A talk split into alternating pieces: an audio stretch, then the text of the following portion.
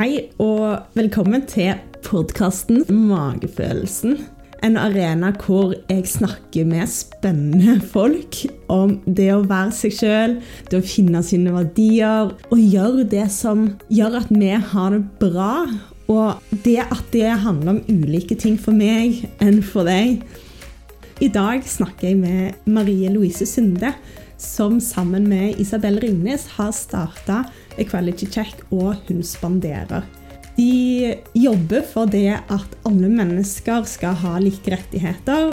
Marie Louise Sunde starta denne her retningen når hun var ferdig som kirurg og fant ut at hun ikke ble behandla på den måten hun mente at hun skulle bli behandla som kirurg på sykehuset. Dette her førte til at hun tok kampen og prøvde å gjøre noe med kjønnsroller i denne bransjen. Det å ta den kampen viste seg ikke bare å være enkel for Marie. Men hun sier allikevel at hun absolutt syns at det har vært verdt det. For hun håper at hun kan nå bidra med at sånne problemstillinger elimineres både innenfor sykehusets fire vegger, men òg i andre bransjer hvor dette er en problemstilling. Det jeg tar ut av samtalen fra Marie, det er at det ikke alltid bare er enkelt det å følge magefølelsen. For sånn som i hennes tilfelle, så har det ført òg til at hun har gått vekk fra kirurgdrømmen, som hun har jobba veldig hardt for i lang tid. Allikevel at det gjør at du kan jobbe med noe som du virkelig bryr deg om, og kanskje utgjøre en forskjell for andre som kommer etter deg. Og det syns jeg er utrolig tøft og veldig inspirerende. Og jeg håper å se flere som tar denne her kampen i tiden som kommer. Kos deg med intervjuet, og ha en fin dag. Hjertelig takk for at du har lyst til å være med på podkasten. Veldig hyggelig å komme. Jeg syns jo du har gjort utrolig mye spennende, og vi kunne sikkert snakket en uke om det. Men uh, for å gå inn på et par temaer, hva er det du er mest stolt over å ha utretta? Sånne ting syns jeg alltid er vanskelig å, å, svare på. Det alltid føles litt unaturlig å si at man er veldig stolt av noe. Men jeg, også ser jeg mye oftere fremover enn jeg gjør bakover. Men det å være stolt over å se på, det er på en måte to, to, versjoner av det. Den ene versjonen er at man har gjort en prestasjon som er bra og som er kult og som er helt ukontroversiell, f.eks.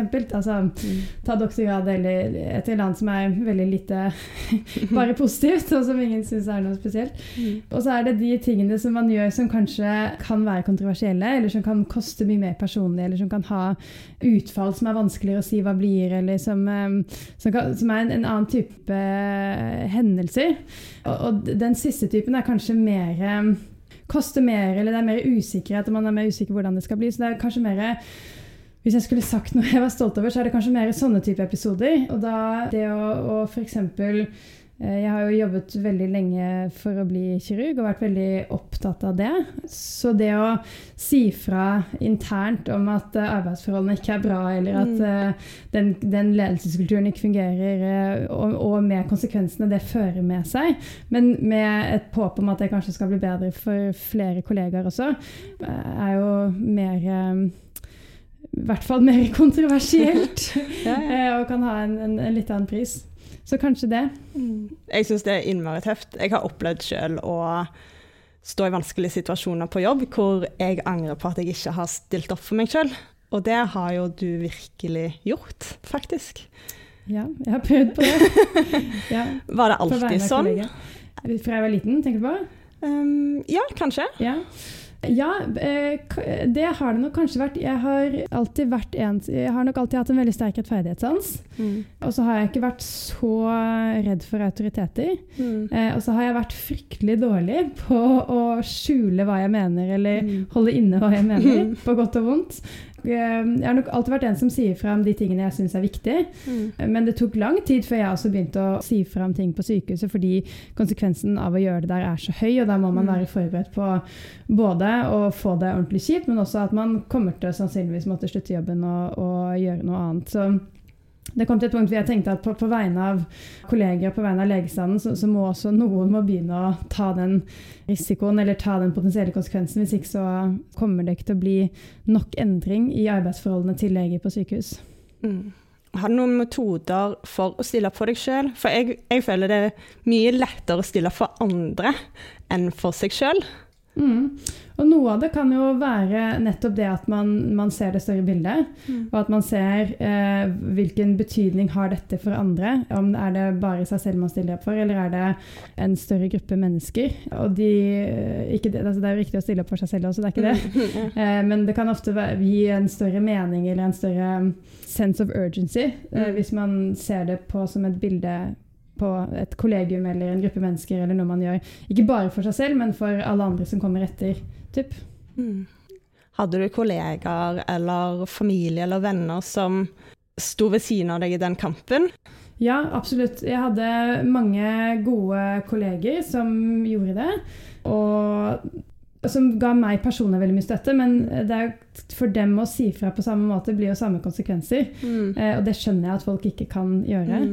Eh, Men jeg fikk veldig mye støtte fra kollegaer som jeg kjente, og som jeg ikke kjente rundt omkring i Norge. Mm. Og så har jeg alltid hatt veldig mye støtte fra min familie, og jeg snakker jo veldig mye med begge mine foreldre hver dag eh, om både små og store ting, og som også er både mentalstøtte, men også eh, rådgiver i sånne type situasjoner. Da. Hva burde man gjøre, hva burde man ikke gjøre, hvordan manøvrere i sånne type situasjoner. Mm. Når du mottok kritikk eller motstand på arbeidsplassen, var det noen som stilte opp for deg og tok ryggen din? Til meg så var det det. Mm. I plenum så var det ikke så mye det. Mm. Eh, og det skjønner jeg, fordi det, det ville vært samme type konsekvenser Mm. for dem. Mm. Tidligere i livet, da, har du eh, fått den støtten? For jeg kan se for meg at du sikkert har vært i mange situasjoner hvor du kanskje har kjempa kamper. Ja, og der er de situasjonene er jo litt forskjellige. For noen situasjoner er litt sånn at man eh, brenner for en sak og syns det er viktig, og eh, det, er, det koster ikke så veldig mye å ta den kampen. Og, da- og da trenger man kanskje ikke så mye støtte. Nei. Den eneste gangen hvor jeg virkelig har følt at det har kostet ganske mye, det var i den prosessen hvor jeg sa fra på sykehuset, og den oppsigelsesperioden jeg hadde etterpå som ble ganske kjip. Mm. Um, Mm. Hva tror du er hovedårsakene til at du er der du er i dag? Ja, det er et godt spørsmål. Hvis du hadde spurt meg også bare for eh, tre år siden, eller to og et halvt år siden, så hadde jeg sagt at jeg kommer aldri til å, å slutte som uh, i spesialisering til kirurgi. Så um, noe er nok mindre tilfeldig enn det virker, uh, med at uh, jeg har alltid vært en som følger um, mine egne veier og gjør det som jeg tror er viktig, og som jeg syns er viktig. Så det at jeg etter hvert sluttet i jobben for å starte et selskap som jobber med å, lage bedre arbeidsvilkår for alle uansett bakgrunn, er på en måte kanskje ikke så veldig overraskende. For jeg har, alltid hatt eh, sterke meninger og vært ganske kompromissløs på å gjennomføre de tingene som jeg syns er viktige eller har lyst til å gjennomføre. Og, og det har nok også mye med Noe er sikkert genetikk, og noe er mye miljø. Jeg har foreldre som har vært veldig eh, kompromissløse for det de brenner for, Mm. og som har startet eh, veldig mange ting selv. Alt fra bevegelser til organisasjoner til eh, selskaper. Og det har vært mye fokus på det hjemme hos oss, egentlig, med å, eh, både ansvaret man har i å kunne skape endring og kunne gjøre ting bedre, eller gjøre samfunnet bedre, eller gjøre verden bedre med de, med de mulighetene man har. Og også litt hvor mye man faktisk kan få til hvis, hvis man prøver og hvis man tør. Og, og det ansvaret man har i å eh, være i en posisjon hvor du kan få til endring. Mm. Både hos eh, foreldre, men også hos eh, besteforeldre. Som, eh, alle mine besteforeldre var veldig aktive under krigen og har, har Mm. snakket og gjort og uh, brukt mye tid på det etterpå. Så det er også ting vi har fått veldig inn med, Mm. med morsmelken. Det er verdier som kanskje har kommet Ja. tidlig, da. Hvordan sørger du for å etterleve verdiene dine og følge magefølelsen? Jeg trives veldig dårlig ved å gjøre ting som jeg ikke står for. Eh, eller ved å ikke kunne mm, bruke mitt potensial sånn som jeg mener at det burde kunne brukes. Så det er nesten motsatt. At for meg så har det vært vanskelig å ikke gjøre det jeg syns er viktig, eller det jeg tror man burde gjøre. Som av og til noen ganger er det, er det nesten litt noen ganger så er det nesten litt irriterende. Noen ganger så hadde det vært veldig mye mer behagelig å bare eh, lukke øynene her og der og gjøre det som er best for meg personlig, og ikke, ikke alltid følge magefølelsen. Så ak akkurat for meg personlig så, det, så har det kommet veldig naturlig. Ja. Eller det er vanskelig å ikke gjøre det. Mm. Jeg syns det er kjempemodig. Jeg har på privaten fulgt magefølelsen veldig mye. Men så har jeg vært litt sånn spontan og kanskje tatt litt sånn dristige valg som eh, har ført med seg både bra og dårlige ting. Men så har jeg bare tenkt at det løser seg, og det finner jeg ut av. Men av den grunn så har jeg ikke helt stolt på meg sjøl når det har kommet til sånn seriøse valg. Og det kan jo høres ut som du òg eh, kanskje har litt av det samme, men du har bare stolt på deg sjøl, og det, det syns jeg er innmari kult. For at du har jo Mm. virkelig hoppet inn i Ja, store ting. Absolutt. Det var et veldig stort skille, og det er kanskje vanskelig for folk som står utenfor sykehuset, Mm. å tenke eller skjønne hvor eh, stort eller hvor unaturlig, hvor feil det føles å gå fra en spesialisering på sykehus til å gjøre noe helt annet. fordi det Sykehuset er jo som alle andre ting også en boble, og man har brukt veldig mye tid Mm. og veldig mye krefter på å um, Man har gått seks år på medisinstudiet, jeg hadde tatt en doktorgrad ved siden av. Jeg hadde brukt eh, veldig mye fritid på å henge på operasjoner og være med og se og lære mest mulig. Og Mm. Sykehus er jo en litt sånn livsstil som ofte gjør at man må forsake veldig mye annet. Mm. Eh, fordi det er rigid, og det er et system som Jeg pleier ofte, ofte av og til å sammenligne med at sykehuslegene er litt de siste gruvearbeiderne. Som eh, jobber veldig mye, og som jobber med veldig dårlige forhold, og hvor det er ikke noe HMS. Og ikke, veldig lite fokus fra sykehusledelsen på å gjøre arbeidsdagen nyttig og bedre for legene. Eh, og veldig mye at man blir satt til å ja, være alt fra sekretær og gjøre de mest banale oppgavene fordi sykehuset skal spare penger på å ikke ha sekretærer. Og så må du bruke fritiden din på å gjøre den ordentlige legejobben uten at du får betalt for det, selvfølgelig. Så det er arbeidsfør etter på sykehusene som eh, er ganske lite fristende, men som også gjør at det blir litt sånn boble som man eh, Det er vanskelig å tenke seg at det er noe liv utenfor sykehuset. Det skjønner jeg godt. Jeg har faktisk vært litt sånn sint på vegne av leger. For eh, ja, kirurger kanskje spesielt har jo kanskje noen av de viktigste jobbene i samfunnet. Og så er det litt sånn umenneskelig kår, så alle vet at du klarer ikke å fungere 48 timer i strekk. Men der skal du liksom være. Mm. Og så gjør man det fordi alle leger, og det gjelder alle legegruppene, er, det er superflinke folk. Det er veldig dedikerte folk. Mm. Eh, og det er ekstremt pliktoppfyllende folk Mm. som går fryktelig langt på bekostning av seg selv for at ting ikke skal gå utover pasientene. Det betyr at nesten uansett hva sykehusledelsen gjør, så klarer legestanden å få det til å, å funke for pasientene. Men, men så funker det ikke så bra for eh, legene. Og jeg syns man nå begynner å se en alvorlig demotivering blant leger. Det blir for mye drit, rett og slett. Mm. Og så blir det for lite positive ting ut av det. Når du går inn på sykehuset, så vet du at du kommer ikke til å få veldig godt betalt. Mm. Eh, Du kommer til å ha eh, nattevakter som er 20 timer, og av og til så kommer du til å måtte ta en vakt etter det igjen. Eh, Man kommer til å måtte jobbe helger og man kommer til å måtte jobbe ferier. Det vet man når man går inn i sykehuset. Det man ikke vet, er at du kommer til å bli behandlet som en helt verdiløs gruvearbeider Mm. som kan byttes ut på dagen. Du kommer ikke til å få fast ansettelse. Eh, hvis du gjør noe som helst som plager sykehusledelsen, så kommer du til å bli sanksjonert.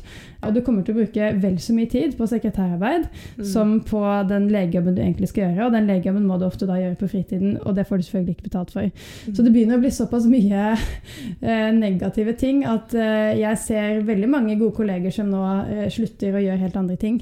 Så hvis ikke det skjer en endring i eh, helsevesenet nå, så tror jeg vi kommer til å få en brain drain fra eh, sykehusene til det private og, til helt andre bransjer. Mm. Det er utrolig bra at du Det er ikke nødvendigvis den kampen du har tatt, men potensielt så kan det jo bringe med seg andre kamper inne på sykehusene, da. Mm. Som eh, jeg kan se for meg det er mange som ikke har orket å ta. Mm, og det skjønner jeg. Mm. Det er kjempebra. Nå fant du ut at det er nettopp dette du brenner for. Eh, Jeg har vært opptatt av likestilling og menneskerettigheter helt fra jeg var liten, og vært engasjert i det. Mine foreldre er veldig engasjert i det. Mamma har jobbet mye med særlig kvinners rettigheter. Eh, Så det har jeg vært hele tiden, egentlig. Og pga. en del sånn type arbeid som jeg da har gjort ved siden av studier og, og jobb, så var jeg invitert til FN i 2014. Da de lanserte sin største likestillingskampanje. Og hvor Emma Watson holdt en tale som har blitt veldig berømt, og som mange ser på kanskje som starten på den fjerde feministbølgen. Hvor hun sa 'if not now, when? If not me, then who?' Og da hadde jeg allerede tenkt ganske lenge på Da var jeg jo på vei inn i kirurgi, som er en veldig mannsdominert bransje. Og hadde tenkt mye på alle de subtile forskjellene i hvordan man snakker om kvinner og menn. Eh, noen ting helt banalt, som hvis jeg på en fest sa at eh, jeg studerte medisin og skulle bli kirurg, så fikk jeg ofte svar som at 'Å ja, men skal du ikke ha mann, og skal du ikke ha barn, og liker du ikke menn', eller, eller en, en gang så var det en som sa til meg 'Oi, studerer du medisin? Er ikke det litt ambisiøst for deg?' Eh, som er sånne svar som mine mannlige kolleger aldri har fått. Og, og så er det litt Det kan være morsomme historier, og det er lett å si at ja, men det var bare en som tullet, eller det var bare en litt flåsete Mm. kommentar, eller Men den totale effekten av alle disse tingene som egentlig er underforstått, sånn som det, det at jeg alltid ble møtt med da jeg sa at jeg skulle bli kirurg, og jeg skal du ikke ha barn. Mm. Fra man er 18, så blir det en sånn underbevisst eh, tanke om at du, må, du som dame så må du faktisk velge Mm. om du vil bli kirurg, eller om du vil ha familie. Det må du velge når du er 18 år. Ja. er det måte som er under, undertonen i den beskjeden, og så er det selvfølgelig ikke sånn. Men den ubevisste beskjeden og, og det, det ubevisste som skjer rundt alle disse tingene, det har en ganske stor betydning. Frem til da så opplevde jeg at det var vanskelig å snakke om den ubevisste diskrimineringen. Vi hadde ikke et ord for det, egentlig. Eh, og det ble veldig ofte bagatellisert og normalisert som enkeltstående hendelser, eller eh, rasjonalisert bort med at det var en misforståelse, eller nå, der, nå blir du kanskje veldig sensitiv på disse tingene, eller osv. Jeg har også fått en rar kommentar på fest en gang. ikke sant? Ja, ja. Eh, så, så det hadde jeg tenkt på allerede en stund. Og i 2014 så var det ikke så veldig mye snakk om eller fokus på likestilling i Norge, egentlig. Da var det mange som mente at dette er noe vi er ferdig med. Mm. Så ja, jeg hadde tenkt lenge på å, å, å adressere den delen, som jeg da valgte å kalle ubevisst diskriminering. Mm. Og også gjøre det på en måte som inkluderte menn i samtalen. Fordi på det tidspunktet så hadde Og det er veldig naturlige grunner til at det ble sånn. eh, Og tidligere så har det nok vært ganske riktig. Men for å nå det siste stykket fra 2014 til 2015 og utover, så tenkte jeg at man måtte ha en litt mer forsonende dialog og litt mindre krig mellom menn og kvinner. Mm. eh, Og prøve å skape litt mer forståelse for at vi lever egentlig to forskjellige virkeligheter. Mm. Så den virkeligheten som jeg møter som kvinne, er en annen virkelighet enn den menn møter. Og det er vanskelig for dem å se hvordan Mm. kvinner blir møtt. Akkurat som, som vi nå også begynner å jobbe med mye i CoachCheck, at jeg som hvit Mm. møter en helt annen hverdag enn eh, de som ikke er hvite. Mm. Og det er vanskelig for meg å se, eh, fordi jeg opplever det ikke selv. Så det var bakgrunnen for eh, Hun spanderer, eh, som vi startet da i 2015 Mm. med forskjellige typer sosiale mediekampanjer for å ha fokus på det.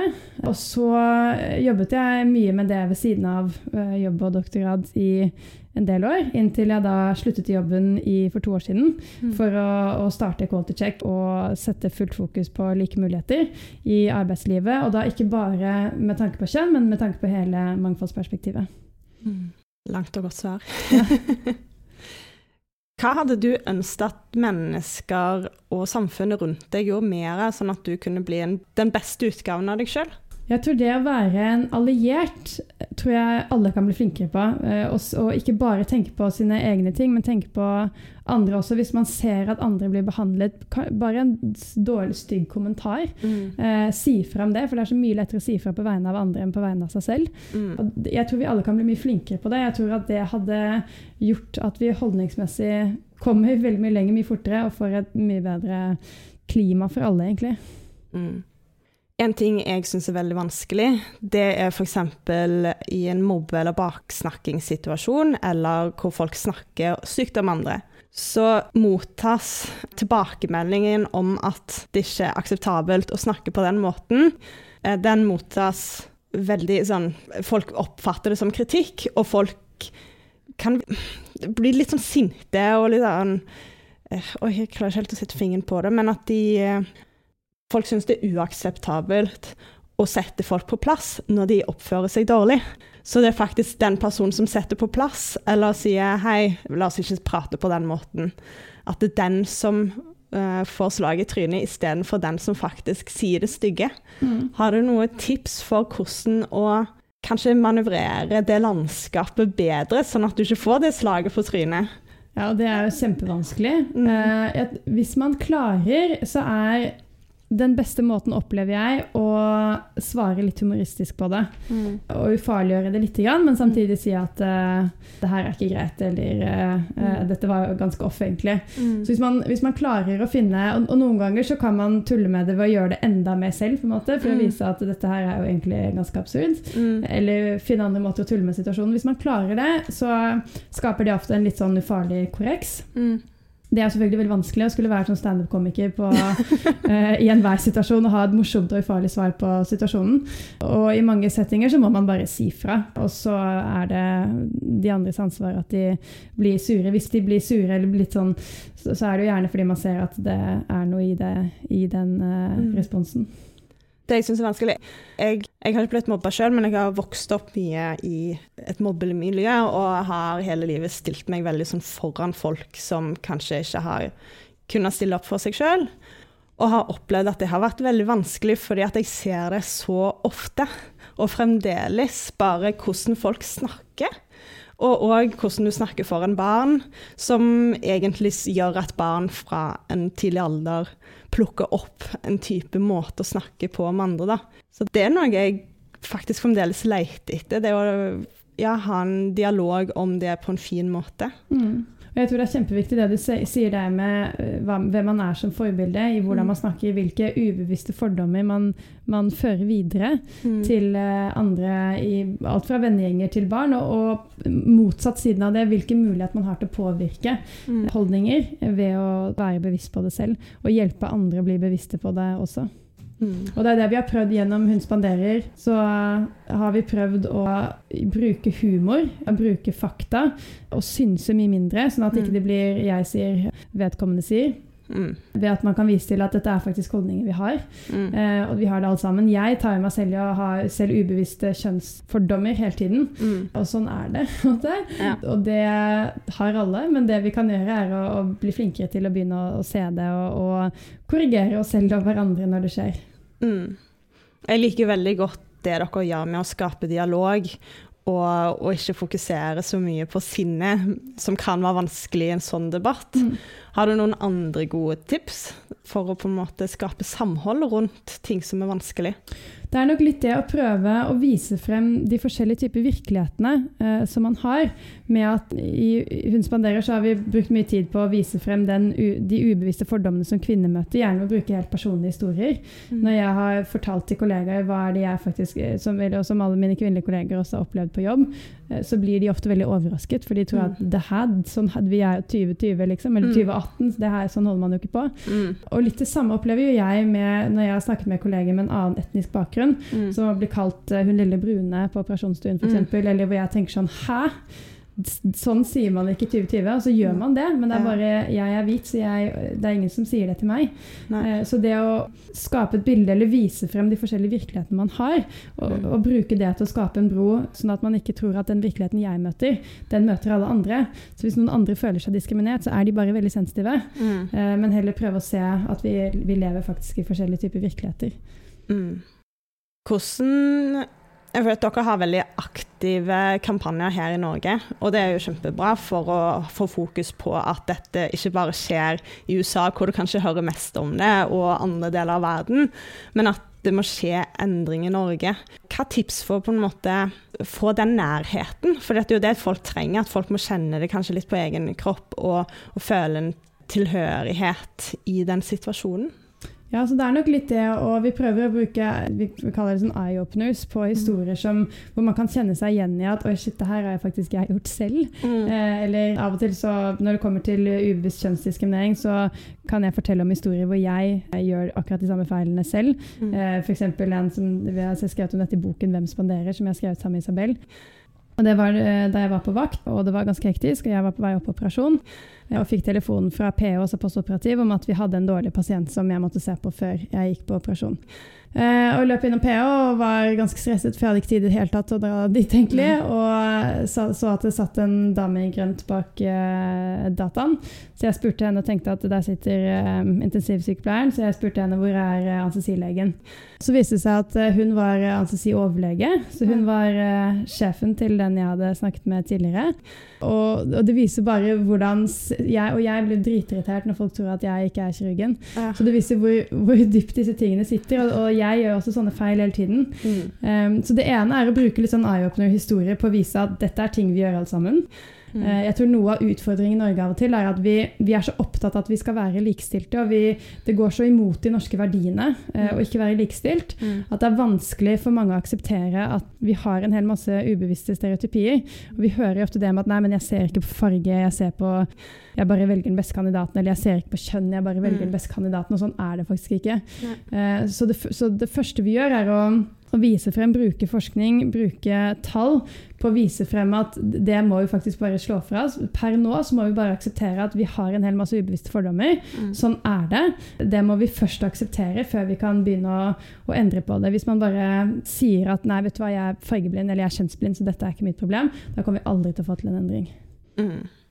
Jeg ser det sjøl òg, og jeg er så opptatt av det. Men eh, noen ganger så ligger det litt sånn innprinta, mm. og det er sikkert ting som folk har sagt, eller medier, eller hvordan ting framstilles, som bare har blitt en stor mølje og en sannhet oppi hodet mitt, da, mm. som jeg må avlære. Mm. Og som er internalisert, og som, og som alle har. Mm. Eh, kvinner har også disse stereotypiene mot kvinner. Mm. Minoriteter har ofte de samme stereotypiene mot sin egen minoriteter. Dette, dette ligger veldig internalisert i samfunnet, fordi som mm. du sier, man, man har fått det inn med teskje på alle mulige forskjellige måter fra man var liten. Mm. Det er bra å endre debatten litt. Få fokus på det. Kan du fortelle om din opplevelse av det å møte motstand og utfordringer, og hvordan, hva du gjorde for å komme deg ut av det? Det er jo mange forskjellige måter å møte motstand på. Noen ganger så er eh, motstand mer at man vet hvor man har tenkt å komme seg, men man bare aner ikke hvordan man skal gjøre det. Det kan være å starte på en ny forskningsartikkel og sitte der på Word og ikke ane, ikke ane hvordan man skal gå videre, eller uh, stå på en vanskelig faglig stå på en vanskelig operasjon og ikke helt ha snøring på hva man gjør, og ikke helt vite hvordan man går fremover. Mm. Uh, eller det kan være sånn som nå når man starter et eget selskap og ikke har gjort før, er litt sånn Hvordan gjør vi dette? Um, og så er det jo mer den type motstand som er vanskelig, da. Det å, å stå i situasjoner som er slitsomme og som er mentalt krevende, og som, hvor man møter mye personlig um, angrep osv. Så også. Så det er to litt forskjellige situasjoner.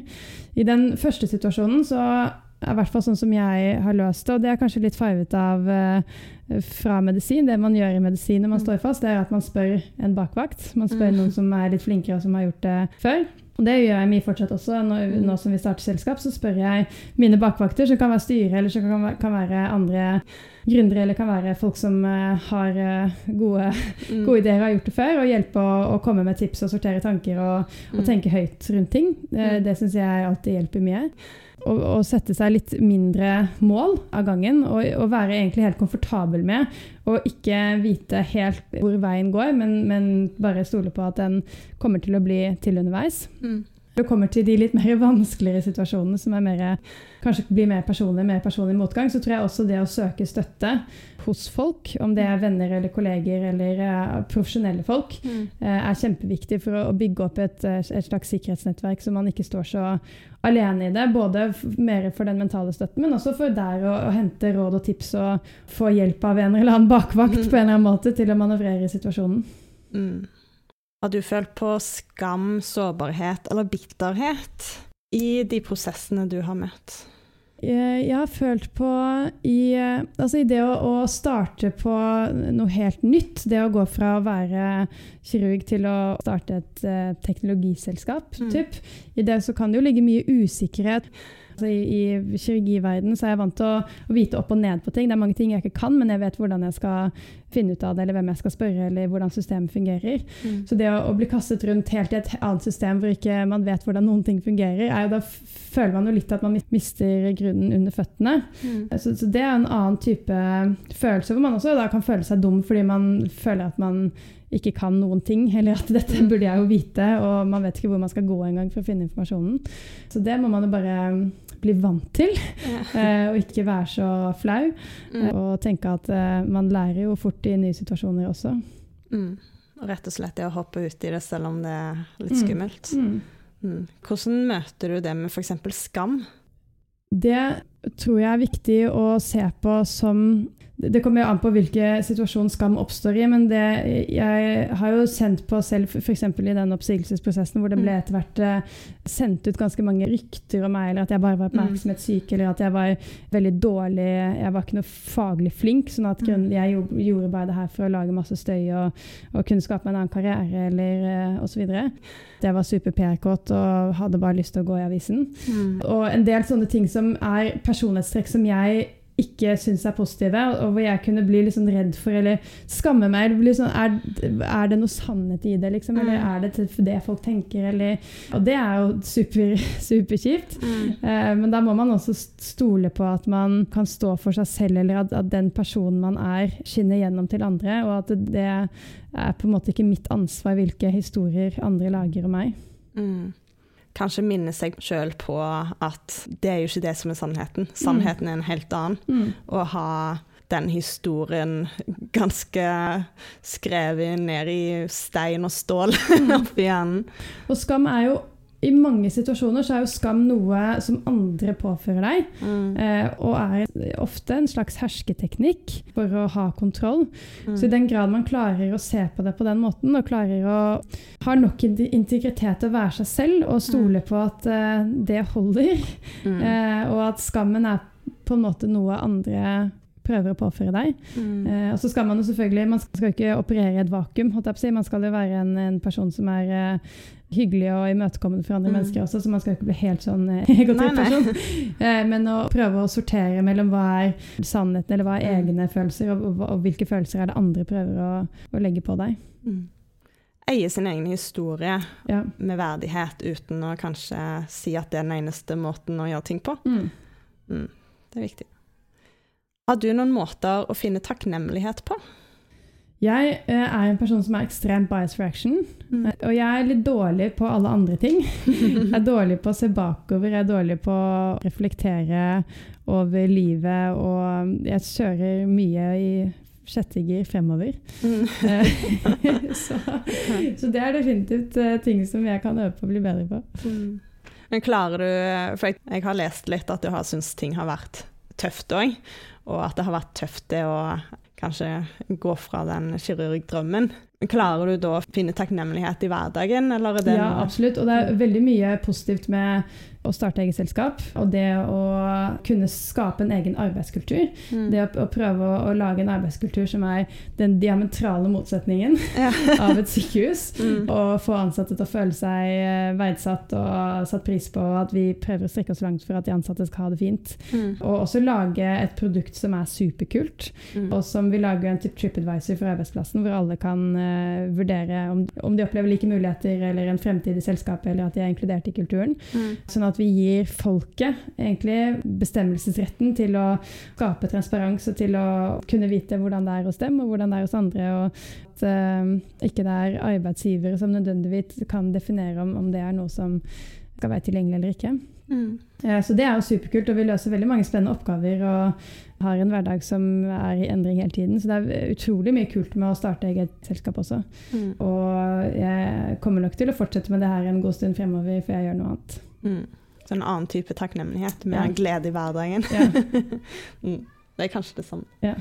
Jeg syns du er en veldig god rollemodell, så jeg håper jo at eh, det er flere som deg som kanskje får litt større plass i medier, og kanskje influensere og litt forskjellig. Hvis du kunne gitt et råd til deg sjøl på et tidligere tidspunkt i livet, hva ville du sagt da? Da, jeg tror faktisk at jeg hadde gjort det samme en gang til.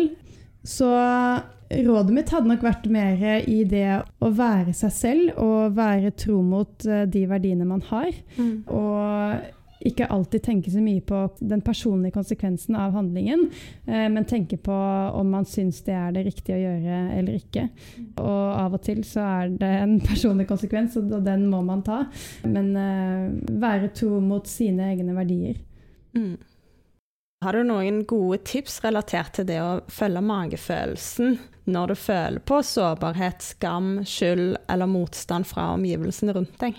Jeg pleier å tenke på det, hva er det som er riktig å gjøre, og tenke mer på det, eh, heller enn å tenke på hva de personlige konsekvensene er. Men så er det selvfølgelig innenfor noen rammer, og jeg har veldig stor respekt for at uh, noen ganger så er de personlige konsekvensene for høye, og det er ikke alle som er i en posisjon hvor man kan Det er ikke alle som kan uh, si opp jobben, fordi man har ansvar, forsørgeransvar, og man har uh, Det er ikke en risiko man kan ta. Jeg var jo i en situasjon hvor jeg var bare meg selv og hadde ikke ansvar for noen andre. Mm. Så um, jeg, jeg, tror det er lurt å tenke på det store bildet, og tenke på hva man ønsker å oppnå, hva man syns er riktig. Eh, tenke på hvilke råd man hadde gitt en annen person, kanskje. Mm. Men så skal man også tenke på seg selv. Og hvis man skjønner at konsekvensene her blir faktisk dette, dette, Denne fanen er det ikke jeg som kan bære høyest, eller dette det kommer jeg til å drukne i, så skal mm. man ha respekt for seg selv også. Da skal man ikke ta den kampen. Man må tro at man klarer å stå ut løpet når man starter, i hvert fall. Mm. ja. Nå går vi mot slutten, så jeg liker å få folk litt ned på jordet, spesielt gode rollemodeller. så har du lyst til å fortelle om det pinligste du har opplevd? Så jeg er så utrolig dårlig på å huske bakover. Men jeg tror faktisk altså, de situasjonene hvor jeg blir flauest, mm. det er hvor jeg tar meg selv i å ha fordommer. Som, altså F.eks. denne historien med at jeg eh, jeg gikk på PH og trodde at overlegen var intensivsykepleier. Mm. Når, jeg, når jeg tar meg selv i å ha sånne fordommer, og gjerne kanskje i plenum, det syns jeg er ordentlig pinlig. Mm. Og så Noen ganger så er det litt fint også, Fordi da kan jeg vise litt sånn at selv jeg Selv jeg gjør sånne ting innimellom. Og det viser hvor dypt det sitter. Men kanskje det er magen vrenges mest. Ja. Det kan jeg forstå. At du sjokkerer deg sjøl kanskje litt. Ja. og bare, å nei. Blir så skuffet over meg selv. Ja. ja. Mm. Hjertelig takk for at du kom. Veldig spennende historie. Tusen takk for meg. Veldig hyggelig å komme. Del veldig gjerne podkasten med folk som du tenker at burde ha lytta til dette. Kanskje du kjenner noen som skal ta store, viktige avgjørelser. Hadde det ikke vært fint hvis de hadde gode rollemodeller å se opp til i denne tiden? Det jeg ser på som en god rollemodell, det er mennesker som får oss til å føle oss bra. Det burde jo være målet. Og det er jo noe vi kan tenke på sjøl òg, hvordan vi formidler informasjon, og om det faktisk gjør noe positivt, eller om det kanskje får andre til å føle seg dårlig, og om det da er noe du har lyst til å dele. Vi vet jo hvordan vi blir påvirka. Og når du legger ut et bilde på sosiale medier, at det ikke er nødvendigvis en refleksjon for hvordan den situasjonen var. Og sånn er jo alle disse bildene som ligger på sosiale medier. Og når folk snakker om veldig fancy jobber og mange ting, så er det ikke alltid sånn som det virker. Dette er det budskapet jeg ønsker å få fram, og jeg håper du òg har lyst til å hjelpe meg med å formidle dette budskapet, enten ved hjelp av podkasten, eller bare ved at du er en av disse inspiratorene som hjelper andre opp og fram Følg meg gjerne der du hører på podkast. Og gå inn på www.magefolelsen.com. Der finner du masse informasjon om meg, om det å være seg sjøl, tips og triks, og òg litt informasjon om de jeg snakker med i podkasten. Du kan òg finne meg på Instagram. Der heter jeg Magefolelsen med oe.podkast. Og så ses vi snart. Ha en fin uke. Og vær deg sjøl. Husk å være deg sjøl.